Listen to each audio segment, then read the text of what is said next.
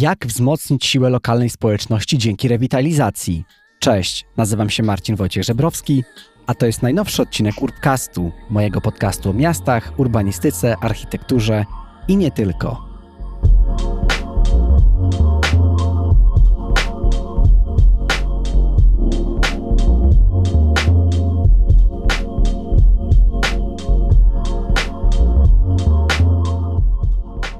Cześć i witaj w kolejnym odcinku Urbcastu, który będzie kolejnym odcinkiem poświęconym rewitalizacji.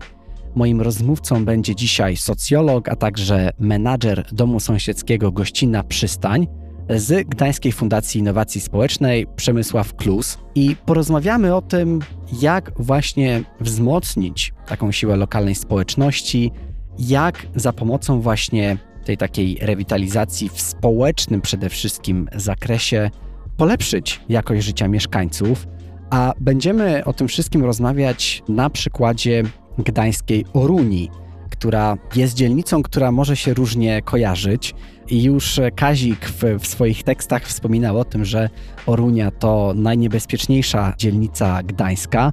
Natomiast na Oruni wiele się zmienia i dzięki właśnie wiedzy, jaką Przemek nam przekazuje, który jest e, po prostu osobą lokalną, jest lokalsem, który działa właśnie razem z fundacji, z mieszkańcami, prowadzi dom sąsiedzki, o którym rozmawiamy, a także inne działania w kontekście rewitalizacji na Oruni.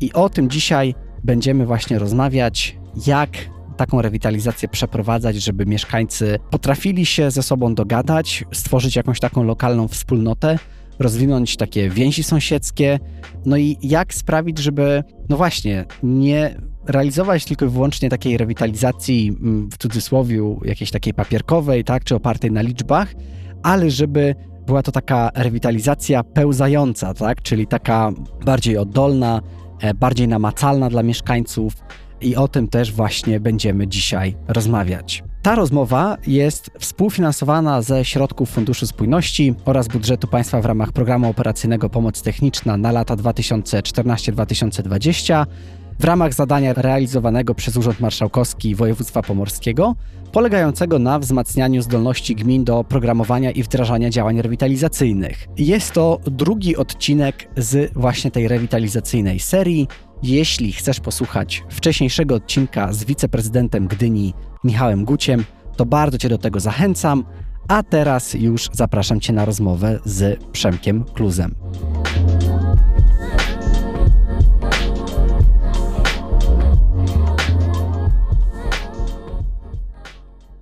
Witam Cię serdecznie, Przemek, w, w podcaście. Cześć. Cześć Marcin, witam Cię. Cieszę się, że będziemy mieli okazję porozmawiać na temat takiej społecznej e, strony rewitalizacji. No i też, też o tym właśnie, jak kształtować te nasze miasta w taki sposób oddolny, w taki sposób, e, gdzie troszczymy się jednak w jakiś sposób o tych mieszkańców. O tym oczywiście zaraz porozmawiamy. Ale zanim to chciałbym Cię poprosić o takie krótkie przedstawienie się e, swoimi słowami, no i jakbyś mógł też powiedzieć właśnie, czym się zajmujesz na co dzień. Na co dzień pracuję w Gdańskiej Fundacji Innowacji Społecznej która prowadzi w jednej z dzielnic Oruni dom sąsiedzki Gościnna Przystań i koordynuje ten dom tak funkcyjnie, jestem menadżerem tego domu. To jest jedna z działań naszej fundacji, ale tutaj tak właśnie lokalnie mocno jesteśmy od już nastu lat wrośnięci w naszą dzielnicę. Ja też wychowałem się w, na, na Oruni, więc jest ona mi bardzo bliska. Jeśli chodzi o, o, o serce, dzisiaj na niej nie mieszkam, ale pracuję. Oprócz tego czasami jeszcze zajmuję się jakimiś konsultacjami społecznymi, trochę mediacjami, więc czasami dla różnych gmin czy biznesu również robię jakieś takie dodatkowe rzeczy, ale tym moim głównym zajęciem to jest, to jest Orunia moja ukochana. Mhm. To cieszę się, że mam e, okazję porozmawiać z Tobą o Oruni właśnie też z takiego lokalnego punktu widzenia, bo tak jak powiedziałeś, wychowywałeś się tam, no i jest to Ci dzielnica bardzo bliska, też zaraz o niej porozmawiamy, może ją trochę szerzej przedstawimy w tej naszej rozmowie.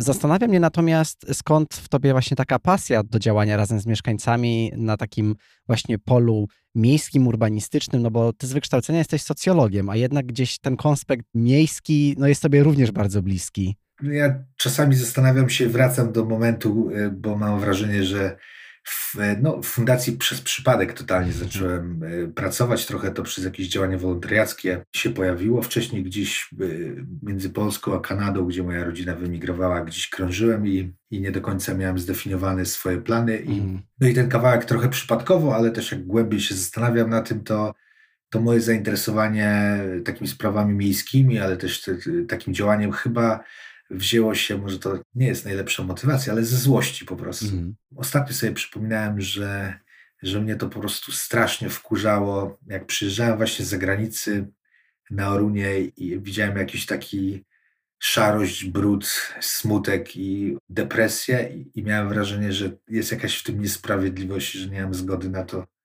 żeby tak to wyglądało, że, że ludzie mogą na Oruni też po prostu żyć w lepszych warunkach i lepiej. I w innych miejscach jest piękniej, pozytywnie, czemu nie tutaj? I chyba, I chyba gdzieś tak ta złość trochę mnie napędzała. Prowadziłem rozmowy na temat takiej partycypacji społecznej, na temat budżetu obywatelskiego i tam ten wątek też się przejawiał gdzieś tam, że rzeczywiście niektóre osoby z takiej właśnie pewnej niemocy, z takiej złości, no zaczynają po prostu działać, więc e, pytanie właśnie, no czy to jest dobrze, czy źle, jaka to była właśnie motywacja gdzieś tam kierowała, natomiast chyba efekty, no są dobre jednak. Tak jak sami trochę często w pracy u nas mówimy, no za wszystkimi emocjami stoją różne potrzeby, więc jeśli coś nas złości, to znaczy, że jakaś nasza potrzeba nie jest zaspokojona. No więc to jest dobre, żeby szukać i zaspokajać tych potrzeb, nie tylko tych takich indywidualnych, ale też, no właśnie, takich trochę społecznych, ale takich potrzeb, o których zapominamy, czyli potrzeby chociażby jakiejś piękna nawet, estetyki na zewnątrz, tego, że mm. możemy iść i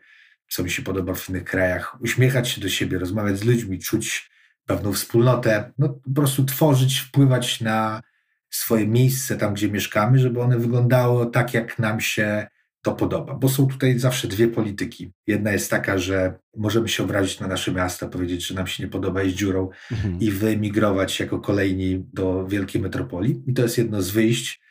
A drugie wyjście to jest po prostu z, y, nie zmienić swoje miejsce zamieszkania, a zmienić to miejsce, w którym e, mieszkamy, co pewnie jest bardziej długotrwałe, czasami też narażone na różnego rodzaju porażki, ale, ale warto, daje to dużo, dużo takiego zadowolenia, bo też tutaj jest no, ta potrzeba wpływu, tego, że widzimy, że wpływamy na coś, że to się zmienia, to daje też kupę radości.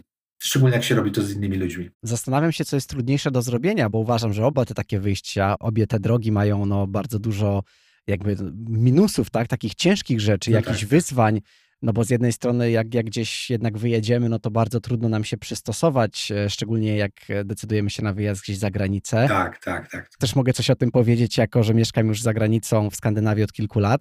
Natomiast z drugiej strony, jeśli zostaje się w danym miejscu, no to też może nas to jeszcze bardziej jakoś frustrować, że te zmiany są takie powolne. Też zastanawia mnie to, bo zaraz oczywiście porozmawiamy o, o samym kontekście Oruni, o takim też modelu domu sąsiedzkiego, czy o właśnie Oruni w kontekście rewitalizacji, ale jak wy właśnie w Gdańskiej Fundacji Innowacji Społecznej odczuwacie, no jeśli czasem pojawiają się jakieś takie blokady, tak? Czy to was właśnie napędza do działania, czy próbujecie to jakoś obejść? Och, mamy i różne taktyki, strategie takie osobiste, ale też w zespole. Mam wrażenie, że szczególnie na samym początku też dobraliśmy się w zespole i założyciele fundacji Piotr Wróblewski, Marianna Sitek-Wróblewska, prezesowa i potem moi najbliżsi współpracownicy, jedną z pierwszych właśnie Ewa Patyk, też to, to są ludzie po prostu, którzy są też, mają pewną wrażliwość na kwestie społeczne, na drugiego człowieka, ale też pewną odwagę po prostu, bo też taką trzeba mieć do szukania rozwiązań. Bo znowu jest opcja taka, że napotykamy jakąś przeszkodę i albo się wycofujemy, mówimy nie da się, albo szukamy rozwiązań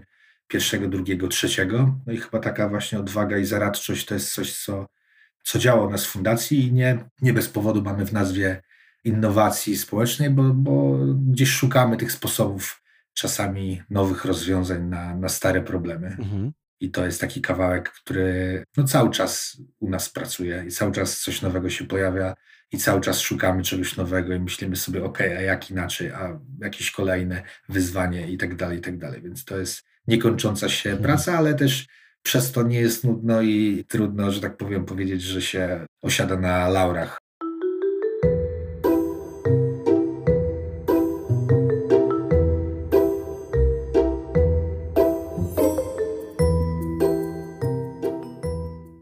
A jakie to są konkretne działania właśnie w skali dzielnicy? Może nie tylko, bo dom sąsiedzki to jest też taka rzecz, o której zaraz porozmawiamy, którą też miałem okazję z Tobą bardzo szybko, w bardzo krótkim czasie odwiedzić i zobaczyć na własnej skórze, jak to wszystko wygląda, ta innowacja społeczna.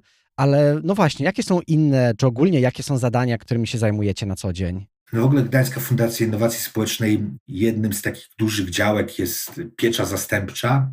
Żeby to odkodować trochę, to jest tak naprawdę opieka nad dzieciakami, które nie mają rodziców lub rodzice są pozbawieni praw rodzicielskich albo mają zawieszone, czyli kiedyś odbywało się to w dużych domach dziecka i nasza fundacja również w Gdańsku przyczyniła się do tego, że te domy zostały trochę, że tak powiem, rozłożone na mniejsze jednostki, i wyszły z takiego instytucjonalnego myślenia, które nie pomagało dzieciakom ani na poziomie emocjonalnym, ani do tego, żeby, żeby one wzrastały, bo, bo w instytucjach się nie wychowujemy jak w domu, to potrzebujemy domu. Oczywiście najlepsze są sytuacje, kiedy jest adopcja albo rodzina zastępcza, ale nie zawsze tak jest. I, i nasza fundacja prowadzi sześć takich kameralnych domów dla, dla dzieci, w którym mniej więcej jest niż czternastka dzieciaków w nieoznaczonych domach, gdzieś tam jednorodzinnych, które są. I i wokół wsparcia dzieciaków też różne działania fundacji się tworzyły, potem kolejne połączone z ekonomią społeczną, gdzie pojawił się właśnie kawiarnia Kuźnia na Oruni, ale też są Stay Hotel, które są prowadzone również na, przez naszą fundację, właściwie taką siostrzaną fundację, ale w ramach przedsiębiorstwa społecznego, ale to też się skleja z działaniem właśnie przedsiębiorstwa społecznego, czyli te zyski, jeśli są, są gdzieś tam redystrybuowane na, na kwestie celów tych społecznych, ale też pomaga to w usamodzielnianiu naszych dzieciaków, młodzieży czy młodych dorosłych, którzy też wchodzą w, w dorosłe życie. Więc ten kawałek taki bardzo mocno w fundacji jest wsparcia dzieciaków od maleńkości do wejścia tego w, w dorosłość. Tak? I również na poziomie Oruni te wsparcie głównie zaczynało się, dzisiaj też działa w wsparciu dzieciaków, wsparciu młodzieży, wsparciu młodych osób, również osób w kryzysie i to jest taki kawałek właśnie, można powiedzieć, pewnych usług, które dajemy, nie? Mhm. ale też w domu sąsiedzkim mamy drugi kawałek, gdzie, gdzie pracujemy z ludźmi, żeby oni sami sobie jako społeczność też radzili, pomagali, bo nie o to chodzi, żeby tylko uzależnić kogoś od pewnej pomocy organizacji, która dzisiaj jest, a jutro może jej nie być, tylko wierzymy też w to, że i w ludziach, i w każdej społeczności są zasoby i czasami warto popracować nad tym, żeby je wyciągnąć, wzbudzić, żeby ludzie współpracując ze sobą, czasami również w konflikcie, pobudzili to i, i, sami sobie pomagali, tworzyli silną społeczność, która jest, ma zasoby i może sobie pomagać nawzajem. No i właśnie o tej takiej sile lokalnej społeczności dzięki rewitalizacji chciałbym z Tobą porozmawiać i, i chciałbym właśnie porozmawiać o tym na przykładzie Oruni. Natomiast przedstawmy właśnie może na początek samą Orunię, bo, bo to jest dzielnica, która może się kojarzyć e, różnie dla różnych ludzi. I wiem, że Orunia w ogóle pojawiała się w twórczości Kazika Staszewskiego z zespołu Kult. Tak, tak. I o swoich inspiracjach Kazik mówił potem, że Gdańsk-Orunia to jest najgroźniejsza dzielnica w Trójmieście. Powiedz mi i, i, słuchaczkom, i słuchaczom, jak opisałbyś Orunię dla kogoś, kto nigdy tam nie był? Hmm, e, no to jest ciekawa dzielnica. Rzeczywiście ma od wielu lat ma złą sławę. Kiedyś mówiło się, że właśnie Orunia, dzielnica latających noży i tak dalej. Były czasy oczywiście takie niebezpieczne mhm. I wcześniej lata gdzieś tam zaraz po wojnie, potem lata 70., 80., kawałek 90. też, który pamiętam, ale też w, u nas w całym kraju to po okresie transformacji było tak dosyć w wielu miejscach mało przyjaznie. Dzisiaj, jak patrzymy też na statystyki, takie odczucie, nie, Orunia nie odbiega tutaj nawet nowe dzielnice mają więcej przestępstw niż na, niż na Oruni. Faktem jest też, że jest to dzielnica częściowo starej zabudowy, takiej przedwojennej jeszcze, zdegradowanej, która nie była remontowana przez wiele lat, więc ona jest trochę, trochę taka właśnie nadgryziona zębem czasu. Niewiele się tam inwestuje, mimo że naokoło się inwestuje, to nie w tej dzielnicy. Plus jest dosyć w ciekawym położeniu, kiedy wjeżdżamy zawsze przez od, od południa, od strony Warszawy na przykład pociągiem do, do Gdańska, to pierwszą dzielnicę zaraz po wjeżdżając właśnie do, do Gdańska jest, jest Orunia, właściwie administracyjnie Orunia Święty Wojciech Lipce, ale wjeżdżamy właśnie tamtędy i jedziemy właściwie na skraju takiej wysoczyzny Moren po lewej stronie, które są częścią Oruni, a po prawej stronie rozpoczynającymi się żuławami. I to jest z jednej strony wielki zasób Oruni, bo jak ktoś zna Orunię, widzi jakie są piękne żuławy, rzeki, gdzie może pójść, a za chwilę park oruński i, i wzgórza morynowe, to może odkryć tam te zasoby, ale z punktu widzenia takiego czysto logistycznego, to Orunia też trochę cierpi właśnie przez to, że północ-południe tak jest zbudowany Gdańsk trochę tak ulicowo i Orunia również i przecina w połowie Orunie właśnie pociąg, główna magistrala, która półtora wieku temu w ogóle przecięła jakby urbanistycznie i trochę właśnie ugryzła, plus główna droga wjazdowa z kanałem Oruni, więc te bariery takie urbanistyczne również powodują pewne wykluczenie, ale one też powstały dlatego, że nawet remonty, które odbywały się, PKP, które robiło ponad 10 lat temu, właśnie były robione bez konsultacji, bez ludzi, bez uwzględniania potrzeb lokalnej społeczności. To jest świetnym przykładem, gdzie pokazuje, że można robić duże inwestycje, ale uwzględniając lokalną społeczność, współpracując ją, potrafiąc słuchać jej, można to zrobić lepiej, tak żeby ona służyła i w dużym interesie, i w małym.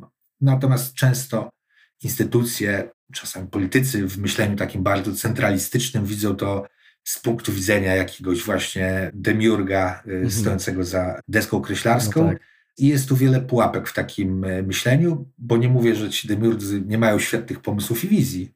Z pewnością często mają, natomiast nie doceniają często mądrości lokalnej społeczności. Nie takiej mądrości właśnie eksperckiej na zasadzie urbanistycznej, tylko mądrości, jakie oni mają potrzeby, jak żyją, jakie są problemy i czasami jakie są łatwe rozwiązania, żeby te, te problemy więc tak Orunia trochę, tak ją widzimy, trochę zdewastowaną, trochę przerwaną, trochę w takim wizerunku niebezpiecznym. Wyludnia się niestety w, w, w ostatnich latach, ale wiele osób, które przyjeżdżają do nas, mam wrażenie, że mówią, no jakby nie sądziłem, że, że takie hmm. fajne rzeczy tutaj jakby e, macie i, i mam wrażenie, że też rewitalizacja jest i kolejne jej odsłony będą takim kawałkiem, który będzie zapraszał innych ludzi, zapraszał też biznes i trochę pokazywał od innej strony Orunię i ją też po prostu tak krok po kroku y, odnawiał.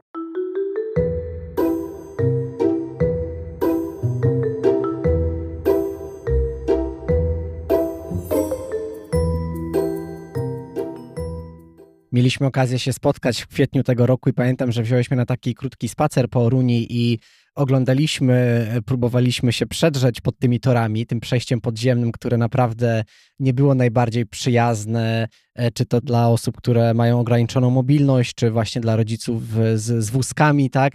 I, I, pamiętam, jak mówiłeś, jak to niestety dość mocno przecięło, tak w cudzysłowiu, ale też no, jakby fizycznie, tak? Przecięło tą dzielnicę na pół. Tak. E, dzieląc też mieszkańców. Przytoczę tutaj e, chyba znaną pewnie tobie, no i słuchaczom również Jane Jacobs, która też o tym opowiadała, jak, jak duże arterie, im więcej samochodów na ulicach, tym, tym bardziej zanikają te więzi społeczne.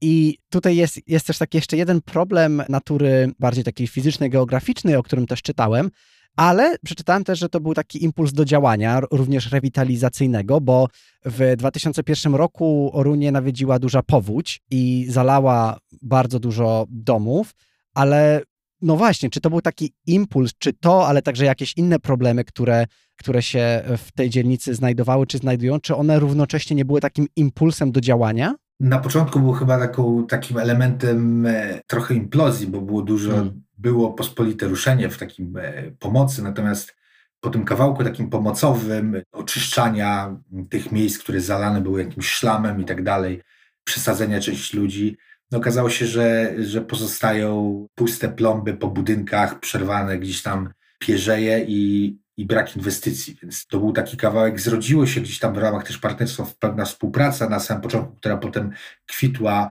mieszkańców, ale też ludzi z instytucji różnych, którzy, y, którzy tam działali, więc no chyba ten kryzys też stał się trochę potem takim odnośnikiem dla ludzi, żeby, żeby działać, ale sama powódź była rzeczywiście takim jeszcze, no trochę dobiciem niektórych mhm. e, oruniaków i tak zniszczonej przestrzeni jeszcze bardziej, bo, bo po niej inwestycyjnie się nic nie wydarzyło. Oprócz tego, że, że wiele lat później wzmocniono kanał Raduni w ramach dużego projektu, ale tutaj jakby nic za tym nie poszło. Ja też przytaczam tą powódź, dlatego że ty powiedziałeś, też trochę się tego spodziewałem, że było takie właśnie pospolite ruszenie, czyli taka pomoc. Mieszkańcy po prostu no, stwierdzili, że, że muszą coś z tym faktem zrobić, tak, żeby móc dalej mieszkać w, w tej dzielnicy.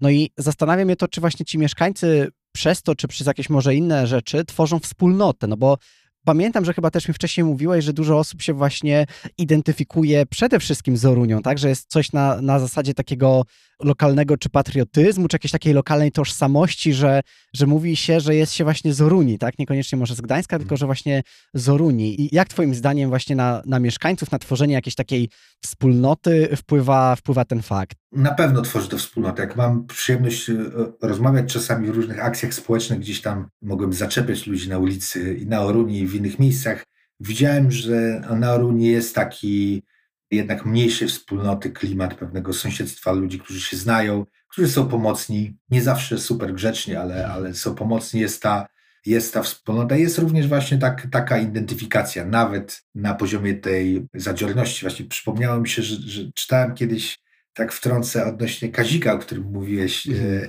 skąd w tej piosence pojawił się ten tekst, w Domu Kultury obok nas, zaraz na, na ulicy Dworcowej, on kiedyś w latach 90. grał chyba jako tata Kazika z jakąś płytą i wspominał, że na estradę wchodziło się przez salę całą, przez publikę. No i okazuje się, że nawaliło im nagłośnienie, zostałem tylko odsłuchy, więc on podszedł do mikrofonu i mówi Szanowni Państwo, niestety dzisiaj musimy odwołać koncert, no bo nie działa nam nagłośnienie. I mówi, że zapadła taka głucha cisza na sali, konsternacja i ktoś z tyłu sali krzyknął graj k, tam z, z, przekleństwem. I że oni byli tak zestrachani, że zagrali na tych odsłuchach ten koncert, więc jakby taki, że tak powiem, nieustępliwość Ormiaków już również Kazik tam e, odczuł z, z zespołem, więc e, taka podobna tu historia była. Więc coś z tej zadziorności, takiego czasami również dumy, mimo że to czasami jest wytykane palcami, wśród Oruniaków zostało i to też jakoś tam tworzy wspólnotę, choć trzeba przyznać też, że część ludzi po prostu z takich śród, trudnych sąsiedztw i środowisk też ma, ma czasami dosyć i, i chce uciec z tego i to też jest takim czasami smutnym kawałkiem, który chcielibyśmy wspólnymi działaniami powstrzymać mhm. właśnie. Jak temu wychodzi naprzeciw model domu sąsiedzkiego, bo to jest też właśnie już wspomniane wcześniej jakby miejsce, tak? Miejsce, które uczy jak odkrywać, wspierać i rozwijać właśnie siłę takiej lokalnej społeczności. Też właśnie dzięki Tobie było mi dane tam na chwilę wejść, zobaczyć, jak to wszystko wygląda. Bardzo na mnie to pozytywne wrażenie wywarło takie właśnie takiej lokalnej społeczności, jakiegoś takiego poczucia więzi. Dlatego chciałem Cię o to zapytać, jakbyś mógł e, powiedzieć mhm. nam, czym jest i jak powstał właśnie, no jak działa w założeniu taki dom sąsiedzki. Powstał dzięki tak naprawdę właśnie współpracy takiej partnerskiej, bo za jakiś czas będziemy się wyprowadzali z tego budynku, ale kilkanaście lat temu udało nam się dogadać też z, z księdzem proboszczem, po sąsiedzku jesteśmy, bo to jest, ten budynek jest własnością księży Salezjan i, i użyczył nam tu przestrzeń. On był zdegradowanym budynkiem, gdzie kiedyś działało oratorium, spotykała się młodzież, więc miejsce już miało swoją historię. To też było ważne. Ja tam również jako dzieciak e, chodziłem, grałem w ping-ponga, w piłkarzyki jakieś mhm. tam i tak dalej, czy jakieś tam dyskoteki, więc to było miejsce, które było rozpoznawane i ważne dla społeczności. Dzięki temu, że pozyskaliśmy grant z Fundacji Velux, udało nam się wyremontować ten budynek i mieć na taki rozruch na, na działania społeczne. No i, i samo założenie domów sąsiedzkich też było takie, że projekty takie cząstkowe, małe, które są impulsami na przykład na, w takich dzielnicach, są ważne, ale one czasami potrafią rozczarować lokalnych ludzi, którzy jakiś projekt jest fajny, wzbudza fajną energię i potem nagle organizacja, która kończy się grant, projekt wyjeżdża z dzielnicy i, i tyle. Mieszkańcy zostają trochę z rozczarowaniem mm. i jeszcze nie potrafiący się gdzieś tam ogarnąć. Czyli idea domu sąsiedzkiego jest nadaniem trwałości z, zmianom. To znaczy, że projekt może się skończyć, ale zawsze go gdzieś możemy zaczepić się w domu sąsiedzkim, gdzie szukamy innych zasobów i ludzie, którzy są aktywni, którzy chcą być liderami, którzy chcą coś zmienić, mogą spotkać innych liderów, mogą być wsparci przez nas jako organizację i szukamy kolejnych rozwiązań, szukamy kolejnych akcji, żeby, żeby nadać temu trwałość. Więc ta trwałość to jest taki dla nas kamień węgielny tego założenia. No i dwa, chyba jesteśmy też y, otwarci na taki społeczny, intelektualny, organizacyjny ferment tam. Tak? To znaczy, z jednej strony mamy dużą elastyczność, pomagamy, mamy część taką usługową, czyli mamy punkt przedszkolny, mamy świetlicę środowiskową, mamy klub młodych, dla takich starszych młodzieży, nie zawsze najgrzeczniejszej, różne usługi dla ludzi w kryzysie, którzy są w, ze wsparciem i terapeutycznym i jeśli chodzi o aktywizację społeczno-zawodową właśnie finansowanym gdzieś z pieniędzy z Unii Europejskiej. Mamy prawników, ale mamy też miejsce, gdzie różne grupy samoistnie się spotykają. Od meetingów, a nie wiem, zespołów muzycznych, które grają, ludzi, którzy przychodzą z jakimś pomysłem chcą zrealizować e, swój pomysł, a nie mają przestrzeni. A my jesteśmy otwarci od rana do wieczora jakby i działamy. W domu sąsiedzkim też powstała, jakby tak facylitowałem, animowałem taki proces, gdzie powstała Rada Dzielnicy, która potem jakby sama funkcjonuje od właściwie od 12 lat, ale gdzieś też z takiej potrzeby właśnie i w tej przestrzeni domu sąsiedzkiego ona powstała właśnie z tego powodu, że ludzie spotkali się, bo byli niezadowoleni z tego, jak wygląda dzisiaj Orunia i chcieli razem działać. Mhm. Więc mamy taki kawałek trochę usługowy, wsparciowy, ale też mamy taki kawałek łączenia liderów, takiego pewnego hubu, miejsca, gdzie, gdzie wykluwają się nowe pomysły, doświadczenia i z nich, z nich korzystamy. A dzięki też tym działaniom społecznym i zasobom, które ma fundacja, zasobom umiejętności pisania projektów, łączenia różnych rzeczy, znajomości innych organizacji. Korzystamy i w ten sposób też budujemy taką oddolną, ja nazywam to taką pełzającą rewitalizacją, nie systemową, gdzie przychodzą pieniądze z góry, tylko właśnie taką wynikającą z potrzeb, lobbowania, negocjowania, ciągłego takiego gdzieś wysilania się, ale to daje dużo radości, dużo społecznego, właśnie społecznej samoorganizacji i fermentu. Nie? Podoba mi się to określenie pełzająca rewitalizacja. Myślę, że zapożyczę od ciebie i będę, będę też to stosował, bo właśnie chodzi mi o to też, o czym ty wspomniałeś, o takiej trwałości tych wszystkich działań, no i myślę, że też to, że ty czy jako fundacja działacie tak lokalnie, tak, że, że jakby znacie tych mieszkańców, mieszkanki, no to, że to wam bardzo pomaga właśnie w realizowaniu takich, takiej przemiany z sukcesem, bo pamiętam, że sam brałem udział w takim ciekawym projekcie, który się nazywał Żywa Ulica i my tam rzeczywiście byliśmy tak trochę z zewnątrz w takich działaniach, które robiliśmy. One były bardziej krótkotrwałe i rzeczywiście ciężko było zdobyć zaufanie ludzi, kiedy przychodziło się z zewnątrz, jeszcze mówiło się, że tak naprawdę my tam może nie zostaniemy na wiele lat, tylko raczej na przykład na kilka miesięcy. Więc u Was to jest może trochę łatwiejsze. To się chyba też opiera na, na relacjach, tak jak mówisz. Nie? To, to zaufanie też wynika z tego, czy czy mamy z kimś relację i, i tu budujemy tą relację przez wiele lat y, często. Mi pomaga również, że jestem z tej dzielnicy, ale to, że że działam, ale również tego, że my się nie zamykamy. Dom sąsiedzki to nie jest działanie, które się odbywa w czterech ścianach, jak jakaś instytucja. Bardzo dużo rzeczy robimy, które sięgają na zewnątrz. Wchodzimy w projekty różne przestrzenne, zaczepiamy ludzi, spotykamy ludzi, mamy zajęcia streetworkingowe, jakby jesteśmy w terenie, rozmawiamy z ludźmi o tym, staramy się coś tam też e, robić i, i zupełnie inaczej ludzie, których spotykamy na ich podwórku, po raz kolejny, gdzie razem pracujemy, inną, w inną relację wchodzimy, niż gdyby oni mieli tylko przyjść do nas, do domu sąsiedzkiego jako, jako takiego. Więc tu mamy wiele takich rozpuszczonych czujek i, i działań właśnie żywych e, na ulicy, na podwórkach, na placach różno.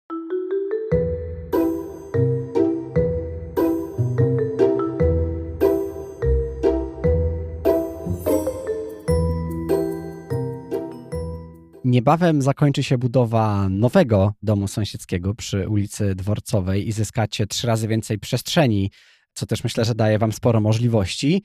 Jak w ogóle odbierasz właśnie ten nowy projekt, tak? ten, ten nowy budynek? No i jak myślisz, czy uda się zachować taką przyjazną atmosferę z tego obecnego domu? Bo ja pamiętam właśnie, że wspominam to dość miło, bo to było takie przytulne, widać, że się wszyscy znali. No i jak przenieść też to do, do zupełnie nowego, większego obiektu? To jest wyzwanie. Zastanawiamy się nad tym, jak, e, że tak powiem, właśnie być ciągle przytulnym i małym, mimo że większym kawałkiem.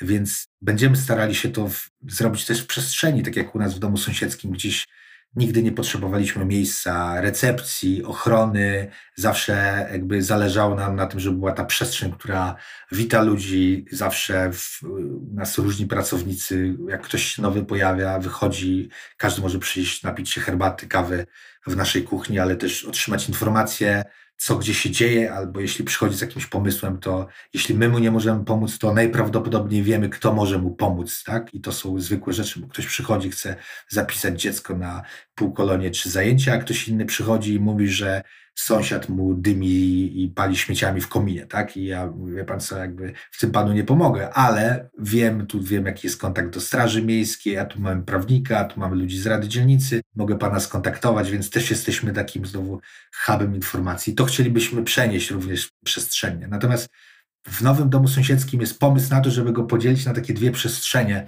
domu sąsiedzkiego, ale też takiego pomysłu, który nazywamy Granda 77 i on wychodzi z innej potrzeby mieszkańców, e, której mówili, czyli pożenienia znowu tak trochę rewitalizacyjnie kilku historii. Z jednej strony tego, że, że wiele młodych osób chciałoby trenować różne rzeczy, szczególnie jakieś tam związane ze sztukami walki. To była taka potrzeba, gdzie często przychodzono i staraliśmy się udostępniać salę, ale nie mieliśmy na to przestrzeni. I tu chcielibyśmy, mamy taką przestrzeń do tego przeznaczoną. Chcielibyśmy współpracować z różnymi klubami, które właśnie skupić się na tych sztukach walki. To jest też taki wizyjny kawałek z pomysłem, że skoro Orunia jest uważana za niebezpieczną. Chcieliśmy właśnie ten złą sławę Oruni i to, że ona jest niebezpieczna, trochę przekuć na pewną zadziorność i na to, że to się wiąże z jakoś ze sztukami walki. Chcielibyśmy zrobić z tego, z tego markę i zrobić takie miejsce, gdzie różni ludzie e, spotykają się, to znaczy młodzież, która ma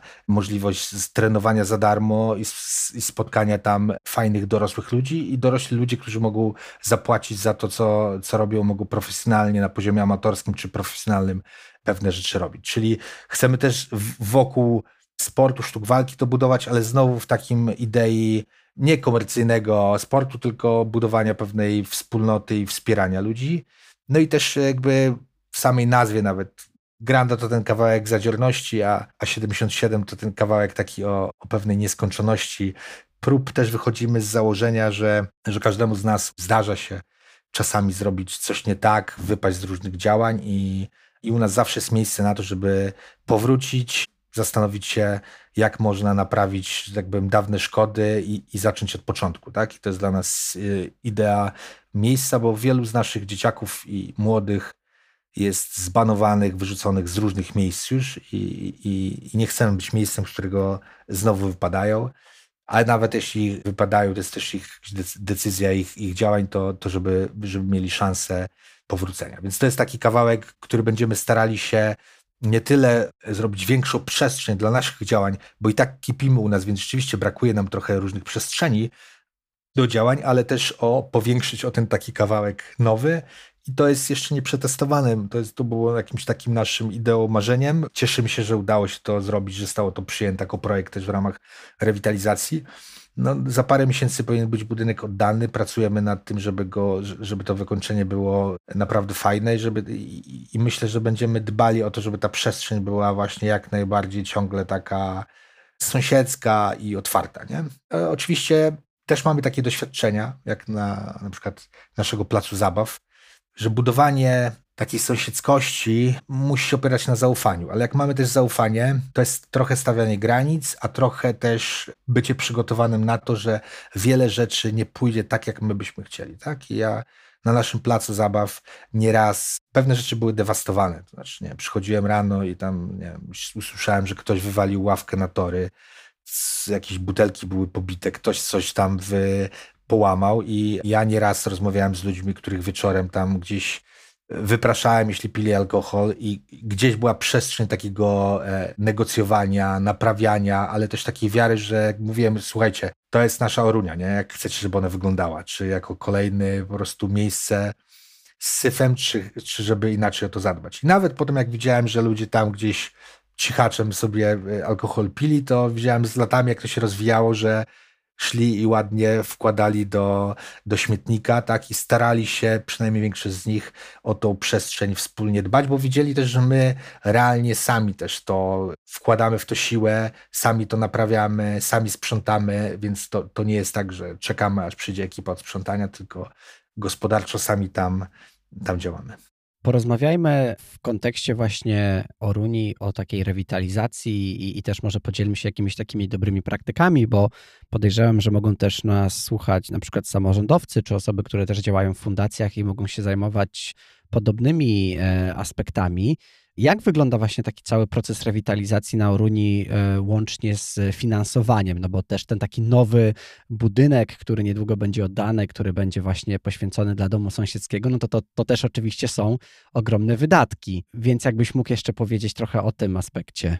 Gdybym mógł radzić ludziom, którzy mają wpływ na tak, takie procesy są budowane, to, to bym zawsze powiedział, że, że warto wesprzeć lokalnych aktywistów, organizacje pozarządowe przed dużym takim e, rewitalizacyjnym boomem i, i pozwolić na to, żeby różne animacyjne, e, spontaniczne rzeczy tam się narodziły i uzbroić się trochę w cierpliwość, nauczyć słuchać, żeby posłuchać, jakie są potrzeby, a nie projektować poza. Bo oczywiście w program rewitalizacji są wpisane konsultacje społeczne, ale one też w różnej jakości się gdzieś tam odbywają i, i, i czasami nie wszyscy są usłyszani. Więc to na pewno uważam, że jest wartością, jest wartością w naszym przypadku właśnie tej pełzającej rewitalizacji, czyli pewnego lobbowania społeczności, rozmawiania, małych projektów i tak dalej. I z nich tak naprawdę już wyszedł pewien gotowiec, który jak tworzono gminny program rewitalizacji, co ma być naprawione, jak, jakie inwestycje, to właściwie był gotowiec z tych działań wieloletnich, tak? tego, co mieszkańcy potrzebowali, o czym mówili. Czy to były programy nasze podwórkowe, które robiliśmy i można było to włożyć. Wiedzieliśmy gdzie, że tutaj na ulicy Gościnnej, czy na tak zwanym rynku oruńskim, tu powinien być główny impet taki finansowy włożony, czy też nawet to, że prowadziliśmy taki projekt razem z Politechniką Gdańską, budowaliśmy takie mikrostrategie w czterech dzielnicach, w tym w Oruni, gdzie z mieszkańcami właśnie próbowaliśmy zbudować tak, taką strategię myślenia, ok, gdzie my dążymy, nie tylko, co jest ważne, kwestią, gdzie postawić ławeczkę, gdzie naprawić chodnik, mhm. tylko w którą stronę my idziemy, jakie działania są kluczowe, a jakie powiedzmy mniej priorytetowe, gdzie przyłożyć ten taki impet, tak? I też te kawałki właśnie z, z tego projektu Kwowadis Gdańsku, mieszkańcy planują swoje miasto, taki miał tytuł, tej mikrostrategii one były wkładem do, do gminnego programu rewitalizacji. Wtedy te pieniądze, znowu ciągle niewystarczające, ale ogromne dla nas, które przyszły z, z rewitalizacji, które przez Unię Europejską i jakby tutaj Urząd Marszałkowski doszły do nas, one wspomogły takim impetem jakby jeszcze większym rzeczywiście zadania infrastrukturalne, które idą do przodu.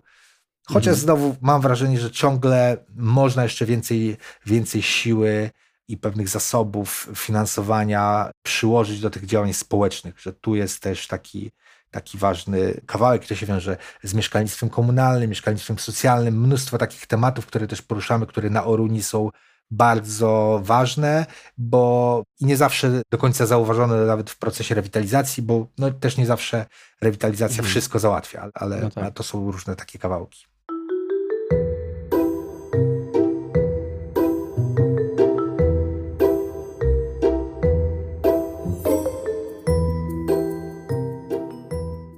Jest pytanie, które będę miał za ciebie na koniec właśnie o tym, e, czy rewitalizacja, no właśnie, czy wszystko załatwia, czy też nie, ale to za chwilę. Wspomniałeś o Urzędzie Marszałkowskim, no, no i właśnie o tym, że te działania też rewitalizacyjne są finansowane właśnie ze środków Regionalnego Programu Operacyjnego Województwa Pomorskiego, czyli w, w uproszczeniu z funduszy unijnych, mhm. ale jak w ogóle mieć takie know-how, żeby wiedzieć właśnie, jak z tych e, funduszy skorzystać, tak? No bo to też pewnie wiąże się z jakimiś różnymi rzeczami administracyjnymi. Więc jak było na przykład w waszym przypadku, jakbyś te, też tak mógł pokrótce powiedzieć? Fundacja też rozwijała się wcześniej, już brała udział w, e, w różnych projektach miejskich i właśnie takich unijnych, współpracowała i z Urzędem Wojewódzkim, i z Urzędem Marszałkowskim, głównie tutaj w różnych projektach w partnerstwach, takich, które były w Gdańsku, więc, więc też miała zasób. Czasami pojawiają się ludzie, którzy mówią z takim, mówią, aha, wy tutaj robicie pewne rzeczy, ale wy pewnie z tego macie jakieś pieniądze, dlatego tu jesteście. Ja mówię zawsze,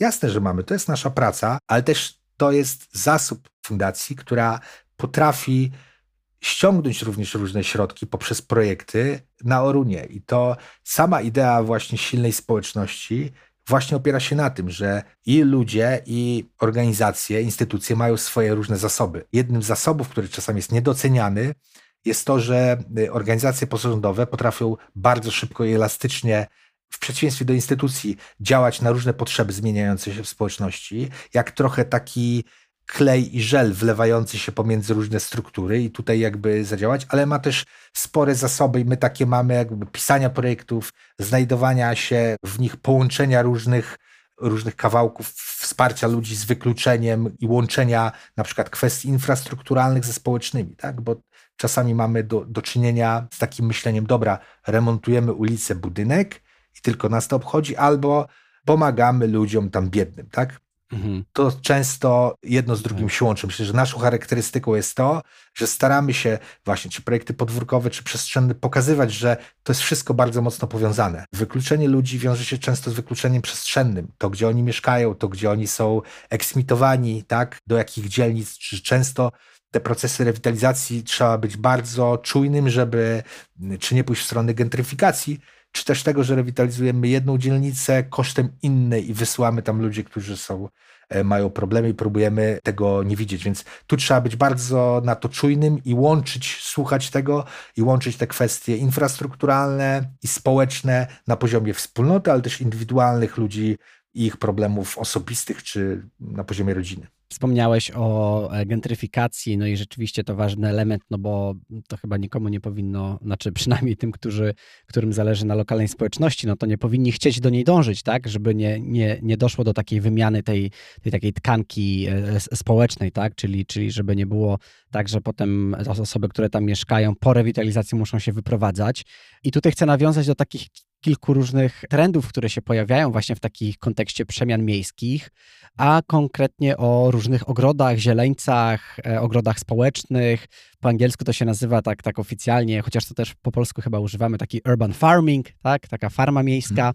I ja też dużo tych rzeczy zauważyłem, e, będąc na, na razem z Tobą, i zastanawiam się, na ile to jest element rewitalizacji dzielnicy, a na ile to jest po prostu jakieś takie oddolne działanie mieszkańców, któremu nie trzeba jakoś przypisywać większej ideologii, tylko po prostu jest to takie bardzo naturalne, sąsiedzkie e, działanie bez jakiejś większej wizji. Myślę sobie o dwóch, dwóch kawałkach. Jedna to hmm. my mocno to nazwaliśmy podwórkami i takim kawałkiem, gdzie, gdzie staraliśmy się przetestować też właśnie takie pomysły z, też z dużych miast o e, odnośnie ogrodów społecznych, społecznościowych, wspólnego jakiegoś dbania o warzywa i tak dalej. I to się akurat na tym poziomie nie przyjęło, bo, bo część osób, które chce i lubi to robić, ciągle jest w takim świecie jeszcze indywidualnego załatwienia takich potrzeb jest sporo, mamy ogródków działkowych na Oruni. Tak? I to jest pozostałość po trochę epoce minionej, która staje się dzisiaj znowu modna, dzisiaj jakby ważna. To jest gdzieś w ramach tego ta potrzeba zaspokajana. Natomiast poszliśmy w te kawałki takie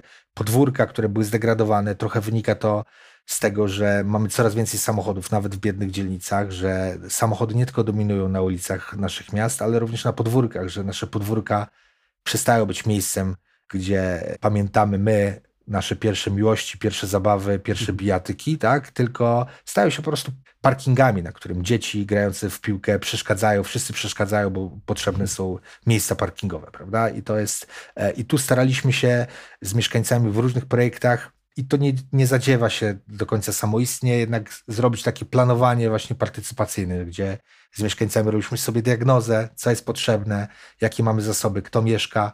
Potem planowaliśmy, robiliśmy sobie makietkę, żeby zobaczyć, co gdzie może się y, zmieścić, jak sobie zorganizować po prostu podwórko, żeby ono miało sens. I to bardzo małymi środkami. To, co odkryliśmy też w tym, że czasami ten brak środków, deficyt jest czymś, co bardzo mocno włącza ludzi. Tak?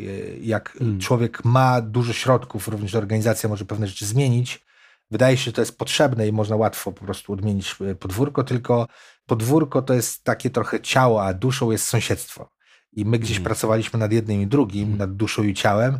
I pamiętam dobrze, jak e, byliśmy w takim procesie na pierwszym podwórku już 10 lat temu, że chcieliśmy zamontować ławeczki, wokół których była dyskusja, bo tam przecież będą pili, więc nikt nie potrzebuje ławeczek. Potem się okazało, że było 10 ławeczek. O różnych porach przychodziłem i tam starsze panie, młodsi ludzie siedzieli od rana do wieczora i mieszkańcy odzyskali swoją przestrzeń przez to, że siedzieli tam i ktoś z zewnątrz nie, rzeczywiście tam nie pił. Ale mówimy, dobra, żeby ktoś w nocy nie ukradł tych ławek, no to trzeba je jakoś zamontować. No to wymyśliliśmy, dobra, to zrobimy jakieś takie betonowe łaty, ktoś nam pomógł z sąsiedztwa, ktoś jeździł jakąś gruszką z betonem, zostało mu trochę betonu, dobra, zrobiliśmy to. No dobra, mamy trochę betonu, ławki, ale jak je przyczepić? Znowu, ktoś wymyślił jakiś tam sąsiad w swoim e, piwniczce, jak to zrobić i tak dalej, jak przymocować. No dobra, mamy, ale, ale trzeba, okazuje się, że próbowaliśmy wiercić jakąś wkrętarką za twardy beton. Potrzebna wiertarka z udarem. Więc znowu, nie miałem jako, to był ten deficyt jako, jako fundacja takiego sprzętu, więc chodziłem między sąsiadami. Ten sąsiad mówi, wie pan co, ten drugi tam Zbyszek u góry, to on ma chyba, bo coś tam, nie? No to pan Zbyszek mówi, tak, no ja mam, ale to w pracy muszę przynieść jutro. Dobra, mamy już tą wiertarkę. Okazuje się, że ławki są tak, tak daleko, że nie mamy tak długiego przedłużacza. Więc z ludźmi zaczęliśmy chodzić od domu do domu i ludzie zaczęli po prostu odłączać swoje przedłużacze. Chyba z 15 przedłużaczy się połączyło, co było taką metaforą sąsiedztwa też e, w tym momencie. Ja też zobaczyłem, że można też włączyć ludzi w różny sposób. Czyli na przykład spotykałem osoby starsze, które nie wychodziły z domu, były schorowane, ale to, że jakaś starsza pani odłączyła swój tam pięciometrowy przedłużacz od telewizora, przestała go oglądać i pożyczyła nam ten przedłużacz, był jej też wkładem takim na jej miarę mm. w to, żeby e, coś wspólnego zrobić i udało nam się to dzięki temu mm. zrobić i, i to był taki kawałek właśnie na różnym poziomie, który mnie uczył, że ludzie się mogą włączać, ale też, że jak czegoś nie mamy, to Zawsze sąsiedzi wymyślą, jak to zrobić, żeby y, zadziałało. Potrzebny jest na to czas, cierpliwość, której mi czasami brakuje, uczę się ciągle, ale, e, bo chciałbym wszystko szybko i od razu, ale, ale to jest też taka przestrzeń do tego, żeby pracować z ludźmi, żeby rozwiązywać problemy i żeby spowodować, że to podwórko będzie ich. To pierwsze podwórko do dzisiaj jest jest tam kilka pani liderek, które trzyma za twarz to podwórko i w, wielkim porządku. Ostatnio świętowały, przypomniałem, że właśnie, że było 10 lat od kiedy on został zrobiony i świetnie to działa. Podsumowałeś trochę moje kolejne pytanie, którym e, właśnie chciałem tak to spiąć wszystko taką klamrą. I wybacz mi, że może to, to przedostatnie pytanie będzie takim pytaniem złożonym, czy może będzie miało w sobie kilka pytań, bo już o tym też wspominałem. Zresztą zastanawia mnie to, czy właśnie rewitalizacja może mieć taką, takie faktyczne przełożenie i poprawę jakby jakości życia mieszkańców? Czy jakby to przełożenie jest faktyczne, zauważalne, czy, czy dla ciebie i mieszkańców jest w jakimś sensie odczuwalne? Czy na przykład spotykasz się z ludźmi na ulicy, którzy mówią, że jakieś tam działanie, które było po prostu jakby pochodną rewitalizacji, realnie wpłynęło na poprawę tej jakości tego życia?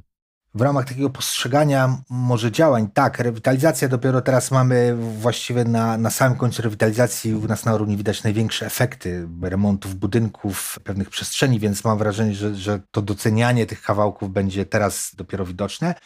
Tak, widzę, to, to nie są takie jakieś akty strzeliste zachwytu, raczej też podoba mi się, kiedy włączeni są mieszkańcy i oni są dumni z tego, że oni trochę zawalczyli o siebie, o swoją wspólnotę i że widać ten efekt, tak, i że oni są dzięki temu wzrastają, bo mówią, aha, zobaczcie, napracowaliśmy się, oni nam pomogli, ale my to zrobiliśmy, jest fajnie, tak? Ale my już mamy pomysły kolejne, żeby było jeszcze lepiej, tak? I, więc jest to z jednej strony jakieś zadowolenie, duma wiąże się z tym, ale też pewien głód chcemy jeszcze więcej, chcemy dalej działać i chcemy to rozwijać. Więc to jest takie budujące, że to się nie kończy, też nie, nie spoczywa się na laurach, tylko że są takie momenty, które ludzie budują, ale też właśnie chyba, że to po prostu mocno działa na, na zasadzie dumy, jeśli mieszkańcy są w to gdzieś włączeni, że to jest ich dzieło też, a dwa też właśnie takiej dumy ze zmiany miejsca, więc to to się odbywa oczywiście w różnych miejscach, w różnych sąsiedztwach, y, inaczej jest to odczuwalne.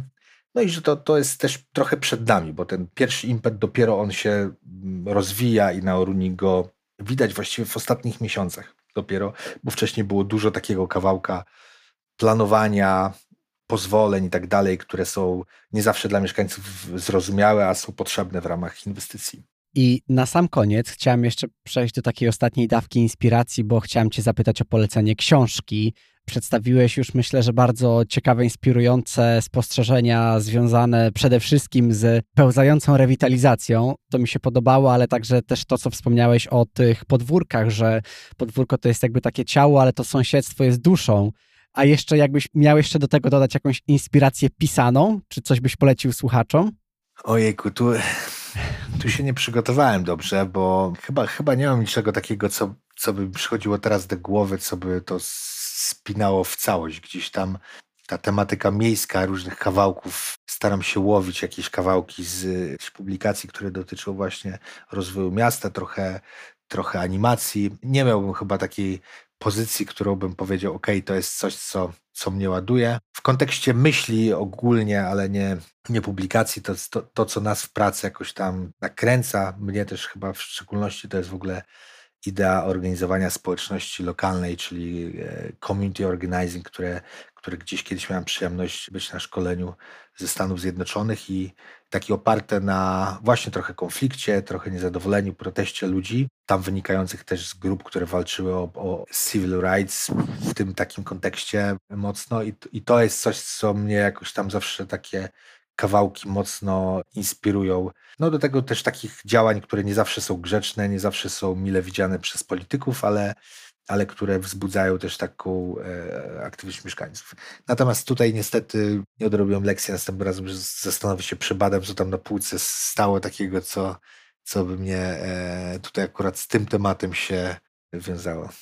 Ale w takim razie i tak ładnie to wszystko spiąłeś klamrą, bo pamiętam, że właśnie w pierwszym pytaniu czy drugim o taką inspirację powiedziałeś właśnie o tej takiej złości, która napędza cię do działania i to tylko na koniec potwierdziłeś, także wszystko spięte klamrą i chciałem ci Przemek podziękować za, za naszą rozmowę. Dziękuję ci również. Dzięki, że mnie zaprosiłeś.